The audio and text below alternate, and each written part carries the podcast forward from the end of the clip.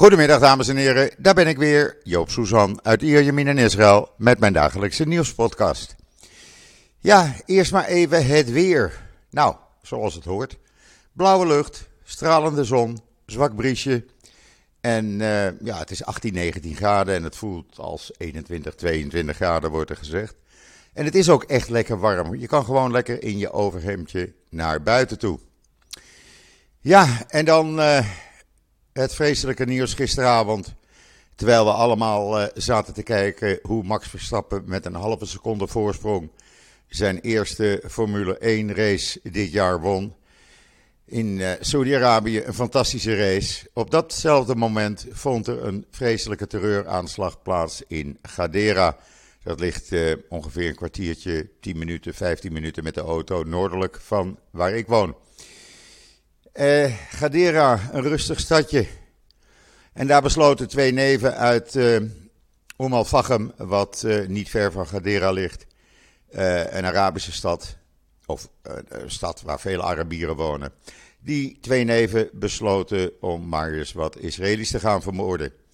Ze wachten achter een bus en toen die bus wegreed, waren ze in het wit gekleed, klaar om te gaan schieten op iedereen die langskwam. Toevallig zaten vlakbij in een restaurant een groep uh, grenspolitieagenten te eten. Die hoorden die uh, uh, geweren, geweerschoten en zijn er meteen op afgerend.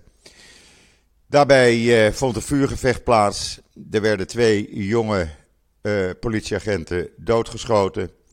de vrouwelijke agent, nadat ze was doodgeschoten, werd haar wapen afgenomen door een van die terroristen, voordat beide terroristen ook uh, werden doodgeschoten. Er zijn verschillende mensen gewond geraakt, gelukkig niet al te ernstig. Uh, uh, maar ja, twee jonge politieagenten dood. En wat blijkt nou? Dat een van die terroristen, die heeft een broer en die werkt al jaren bij de politie in Kwarsaba. Hoe gek kan je het hebben in een familie. Uh, Hamas was natuurlijk hartstikke blij. Die gingen meteen uh, uh, versnaperingen uitdelen in Gaza.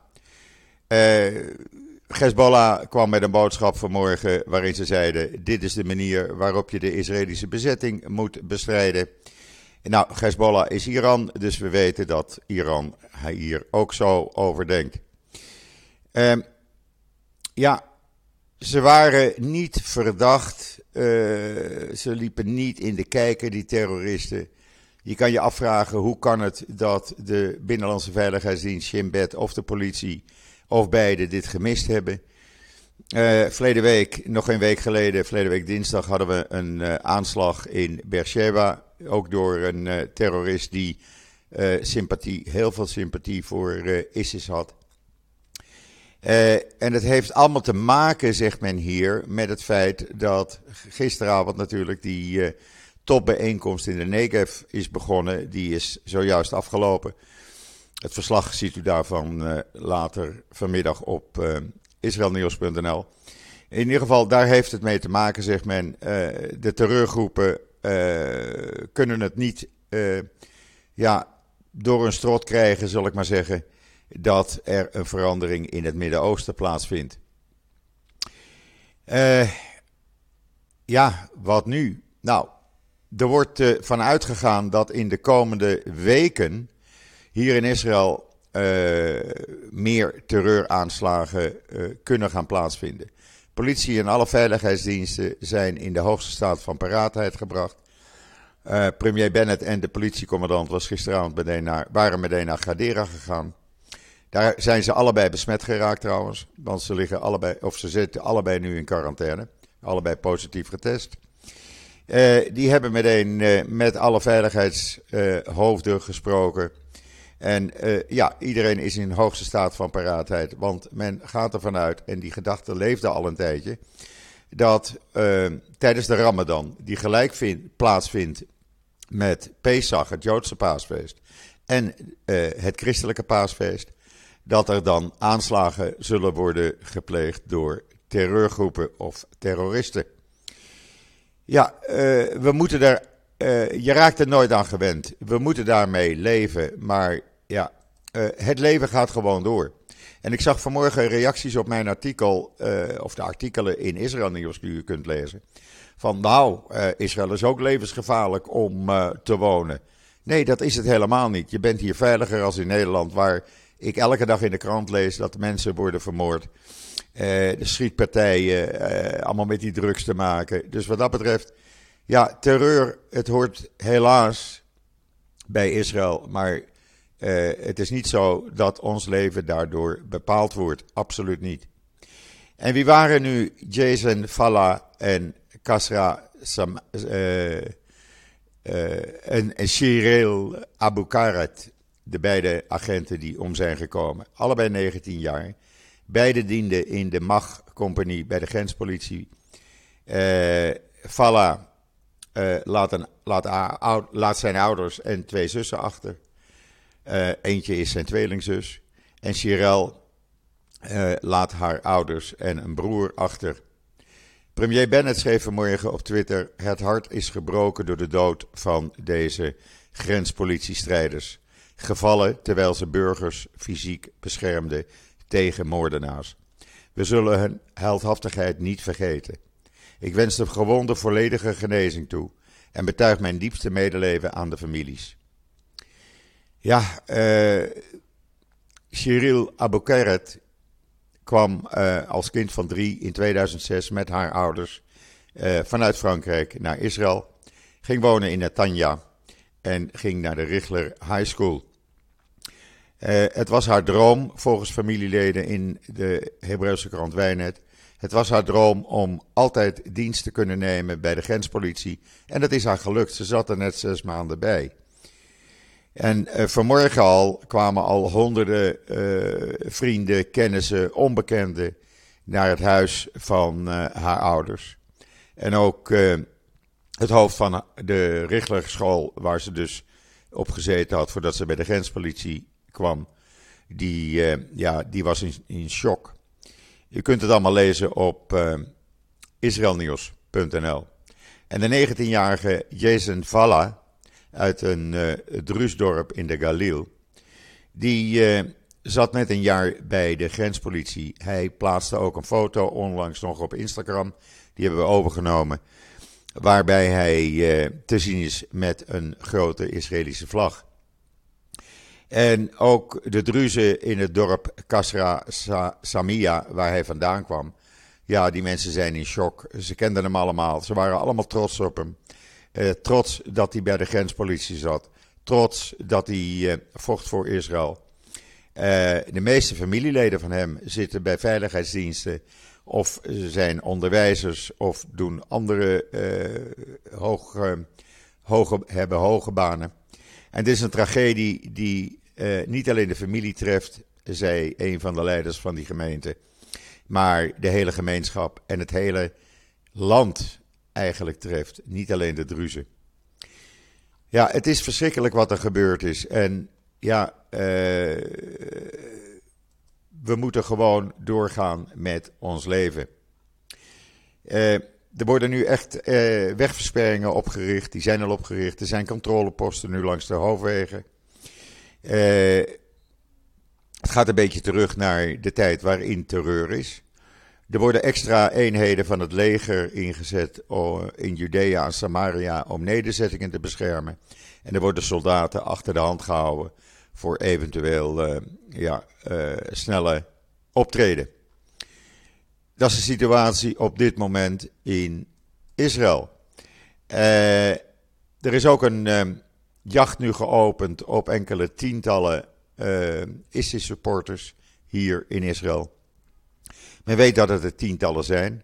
En men heeft gezegd, zodra we ze pakken, ook al is er geen bewijs, dan zullen we ze in administratieve detentie plaatsen, zodat ze voorlopig niet meer loskomen. Ja, eh, administratieve detentie, ik weet het, het is eh, niet iets waar je op zit te wachten. Maar als je geen keuze hebt je kan die mensen niet zomaar weer de straat op uh, laten gaan. Als je weet dat ze uh, ISIS steunen. En voordat je het weet, uh, ja, heb, je, heb je meer aanslagen. nog even over Hezbollah trouwens.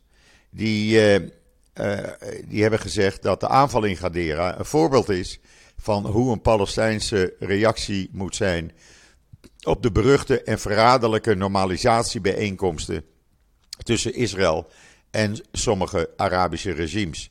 Dat is wat Hezbollah letterlijk naar buiten bracht. Uh, dat is gepubliceerd in uh, Al Meadin Media. Dat is een pro-Iraanse, pro-Hezbollah uh, groep, mediagroep. En ja, het is dus duidelijk, het heeft allemaal te maken met de normalisatie. Dat kunnen ze niet verteren. Goed, en dan even wat ander nieuws, want er is natuurlijk ander nieuws ook in Israël. Uh, laten we maar even met COVID beginnen, zoals we eigenlijk altijd doen. Uh, het blijkt dat uh, de dagelijkse besmettingen nog steeds hoog zijn. Er werden gisteren ruim 70.000 mensen getest. 15.596 waren besmet met COVID. Dat is ruim 22 procent. Gelukkig nog niet de meer dan 60 procent wat in Nederland is, maar dit is toch hoog voor Israël. Op dit moment zijn er 65.799 actieve viruspatiënten in het land. De meeste met lichte of milde klachten. In de ziekenhuizen is het aantal ernstig zieke viruspatiënten met 6 gedaald tot 290. Ook het aantal kritieke patiënten, patiënten is uh, gedaald. Dat staat nu op uh, 135, waarvan er 140, 114 aangesloten aan beademing. Het aantal doden is gestegen naar 10.485, helaas. En dan uh, in andere nieuws, een Israëlisch onderzoek. U kunt het allemaal lezen hoor op israelnieuws.nl. Uh, Israëlisch onderzoek wijst uit dat persoonlijke antibiotica-voorschriften uh, het risico op resistentie halveert. Het is een lang onderzoek geweest en ja, het Technion heeft dat onderzoek verricht, een professor daar, professor Roy Kishoni. En die zegt, we hebben twee groepen genomen en gekeken hoe dat uitpakte. Ze zijn eh, uitgegaan van twee veel voorkomende bacteriële infecties: urineweginfectie en wondinfectie. En eh, hebben op die manier de groepen getest. En het blijkt dus als je dus ja, meer gepersonaliseerd de antibiotica voorschrijft, dan, dan werkt het beter. Lees het op israelnieuws.nl. En dan het gemiddeld maandsalaris in Israël. Dat is in 2021 gestegen naar 11.773 shekel. Omgerekend naar de huidige dagkoers van vandaag. 3.333 euro en 18 eurocent. Dat is het gemiddelde salaris in Israël. Natuurlijk, in de high-tech ligt dat hoger, daar verdien je ook het meest. En in de horeca ligt dat weer uh, lager, want daar verdien je weer minder. Uh, ook bij entertainment, vrije tijd en kunst uh, zijn de salarissen natuurlijk wat minder. Maar je ziet, je kan in Israël goed je brood verdienen. Ik zag op Google dat het aanmerkelijk hoger is als het gemiddelde salaris in Nederland. En dan onderzoekers van de Universiteit van Tel Aviv, die hebben een beveiligingsfout gevonden in de Samsung Galaxy smartphones. Ze hebben dat al meegedeeld aan Samsung. En het blijkt dat als je een Samsung Galaxy smartphone hebt en je uh, hebt sinds oktober 2021 niet meer een update uh, gedaan, dan ben je kwetsbaar voor een beveiligingslek waarbij hackers persoonlijke informatie kunnen stelen. Uh, dus het advies is: update je telefoon zo snel mogelijk. Hoe je dat moet doen, het staat allemaal op israelnieuws.nl. En dan gaat de Israëlische start-up Air vliegende auto's aan Australië leveren. Jawel, ze worden hier in Israël gemaakt. En ze gaan samenwerken met het Australische FlyOne. Uh, en uh, ja, dan hoef je niet meer in de file te staan. Hoe ze dat gaan doen, nou, dat ga ik niet verraaien, want dat kan je allemaal uh, lezen op israelnieuws.nl natuurlijk. Ja, en dan hadden we natuurlijk die, uh, dat Negev Forum, dat gisteravond of eind gistermiddag van start ging en inmiddels is afgelopen. Het hele verhaal over het forum, de eindverklaringen, die hoop ik nog voordat deze podcast online komt ook online te zetten. Lukt dat niet, dan staat die zeg maar tussen 2 en 4 Nederlandse tijd online. Maar in ieder geval, ja, dat was een hele goede bijeenkomst, zover ik nu al uh, heb kunnen lezen uit de persverslagen. Uh, het was gisteravond heel feestelijk. Er waren zangers, zangeressen, Arabische zangeressen. maar dat feest na die terreuraanslag werd meteen teruggeschroefd. En het bleef dus bij een gewoon etentje, waarbij dan veel gepraat werd. Natuurlijk, men vond het niet gepast om uh, te blijven feesten terwijl er in Gadera mensen werden vermoord. Inmiddels is wel bekend geworden al, dat kan ik al wel verklaren, dat dit, deze bijeenkomst geregeld gaat plaatsvinden in de Negev, op dezelfde plek. Met Arabische diplomaten, ministers van Buitenlandse Zaken en Amerika erbij. Misschien komen er nog meer Arabische landen die mee gaan doen. Het komt in ieder geval gaat het om de zoveel tijd gaat het plaatsvinden. En de Israëlische ambassadeur uh, in Egypte die heeft gezegd: deze bijeenkomst toont nou precies aan hoe de regio aan het veranderen is. En dat is ook zo. Wie had hier pakweg drie jaar geleden aan kunnen denken dat nu Arabische ministers in de Negev in een hotel samen met de Israëlische minister van Buitenlandse Zaken Lapid uh, bij elkaar zitten en uh, ja, daar uh, proberen het Midden-Oosten ten goede te veranderen. En dat kan je alleen maar toejuichen. En als de Palestijnen dan roepen van die Negev-top bijeenkomst, dat betekent dat het Palestijnse probleem, wat wij hebben, volgens meneer Abbas, in de doofpot wordt gedaan door Arabische staten. Nou ja, goed, zo werkt het natuurlijk niet. Want ik hoorde net de eindverklaringen, zag ik even op Government Press Office televisie. En die, ja, die Arabische ministers hadden het toch wel duidelijk over de Palestijnse kwestie, dat die ook moest worden opgelost. Blinken, de Amerikaanse minister van Buitenlandse Zaken, die heeft gisteravond trouwens, voordat het diner begon, een uh, virtuele tour gekregen door het veldhospitaal in Oekraïne, het Israëlische veldhospitaal in Oekraïne. Hij sprak zich daar zeer lovend over uit. En ja, vond het een, een fantastisch iets dat Israël, zo'n klein landje, in het Oekraïne een veldhospitaal heeft neergezet om zoveel mogelijk mensen te helpen. Praat het over Oekraïne.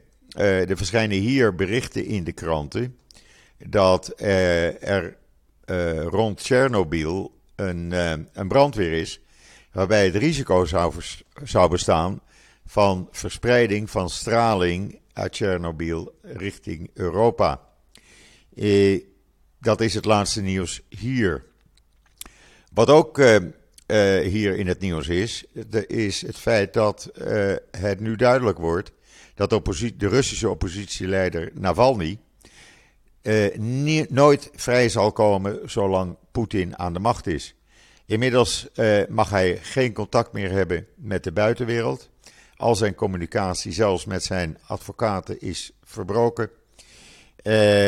en ja, hij moet dus proberen die negen jaar minstens wat hij gekregen heeft voor iets wat hij niet gedaan heeft, te zien te overleven.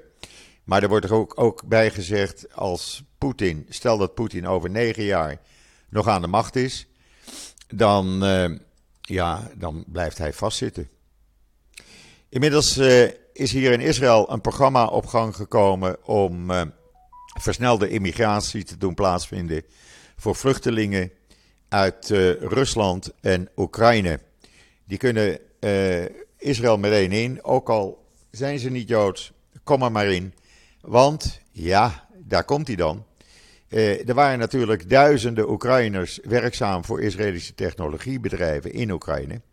En ja, die kunnen allemaal hier natuurlijk meteen aan, aan het werk. Dus men, men zegt gewoon: kom maar, we hebben jullie nodig. We komen 14.000 high-tech werkers tekort. Dus iedereen die in die high-tech bekend is, ja, er komt een antecedentenonderzoek. Er worden versneld dan werkvergunningen uh, afgegeven binnen een paar dagen. En dan kunnen ze aan de gang, zelfs bij hun oude werkgever.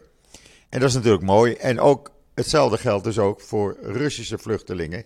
Want steeds meer Russen proberen het land uit te komen.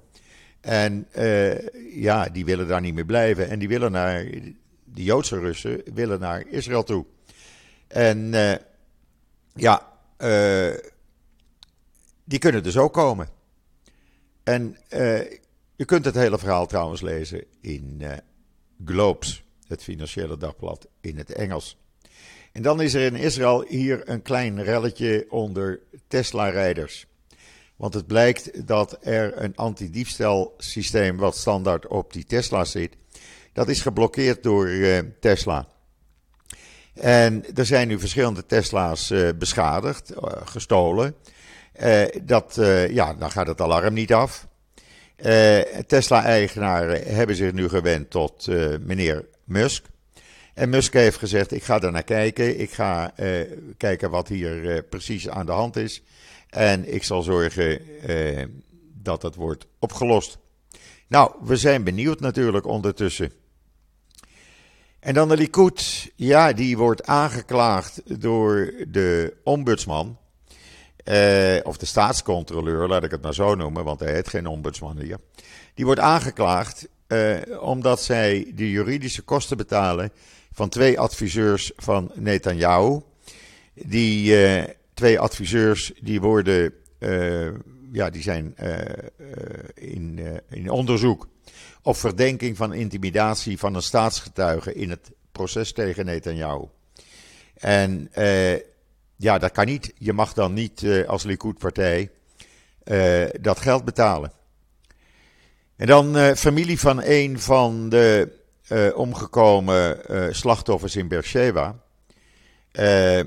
die heeft een verzoek van Bedouinenleiders geweigerd om langs te komen. Die wilden hun condolences overbrengen aan de rouwende familie. Maar volgens Hebreeuwse media berichten, gisteren las ik dat, uh, weigerde de familie dat om uh, hun moverende redenen. Ik kan me daar wel iets bij voorstellen, maar aan de andere kant zeg ik, had het maar wel gedaan, want dat komt alleen maar, uh, de, ja, dat kan alleen maar positief uitwerken. En dan komt er een vaccinatiecampagne tegen polio, voornamelijk onder het ultra-orthodoxe publiek. En dan met name in Benai Barak en Jeruzalem. Uh, er zijn een paar uh, kinderen, uh, dat heb ik een paar weken geleden gemeld. die hebben polio gekregen omdat ze niet waren gevaccineerd. En men gaat nu ja, snel vaccineren. en dat voor het eerst in meer dan 30 jaar. En dat zijn uh, vaccinaties. Het is een vaccinatieschema met twee doses. Voor kinderen van drie maanden tot 17 jaar. En uh, men hoopt dan op die manier in die ultra-orthodoxe gemeenschap de polio weer uh, ja, te laten verdwijnen, laat ik het zo maar zeggen.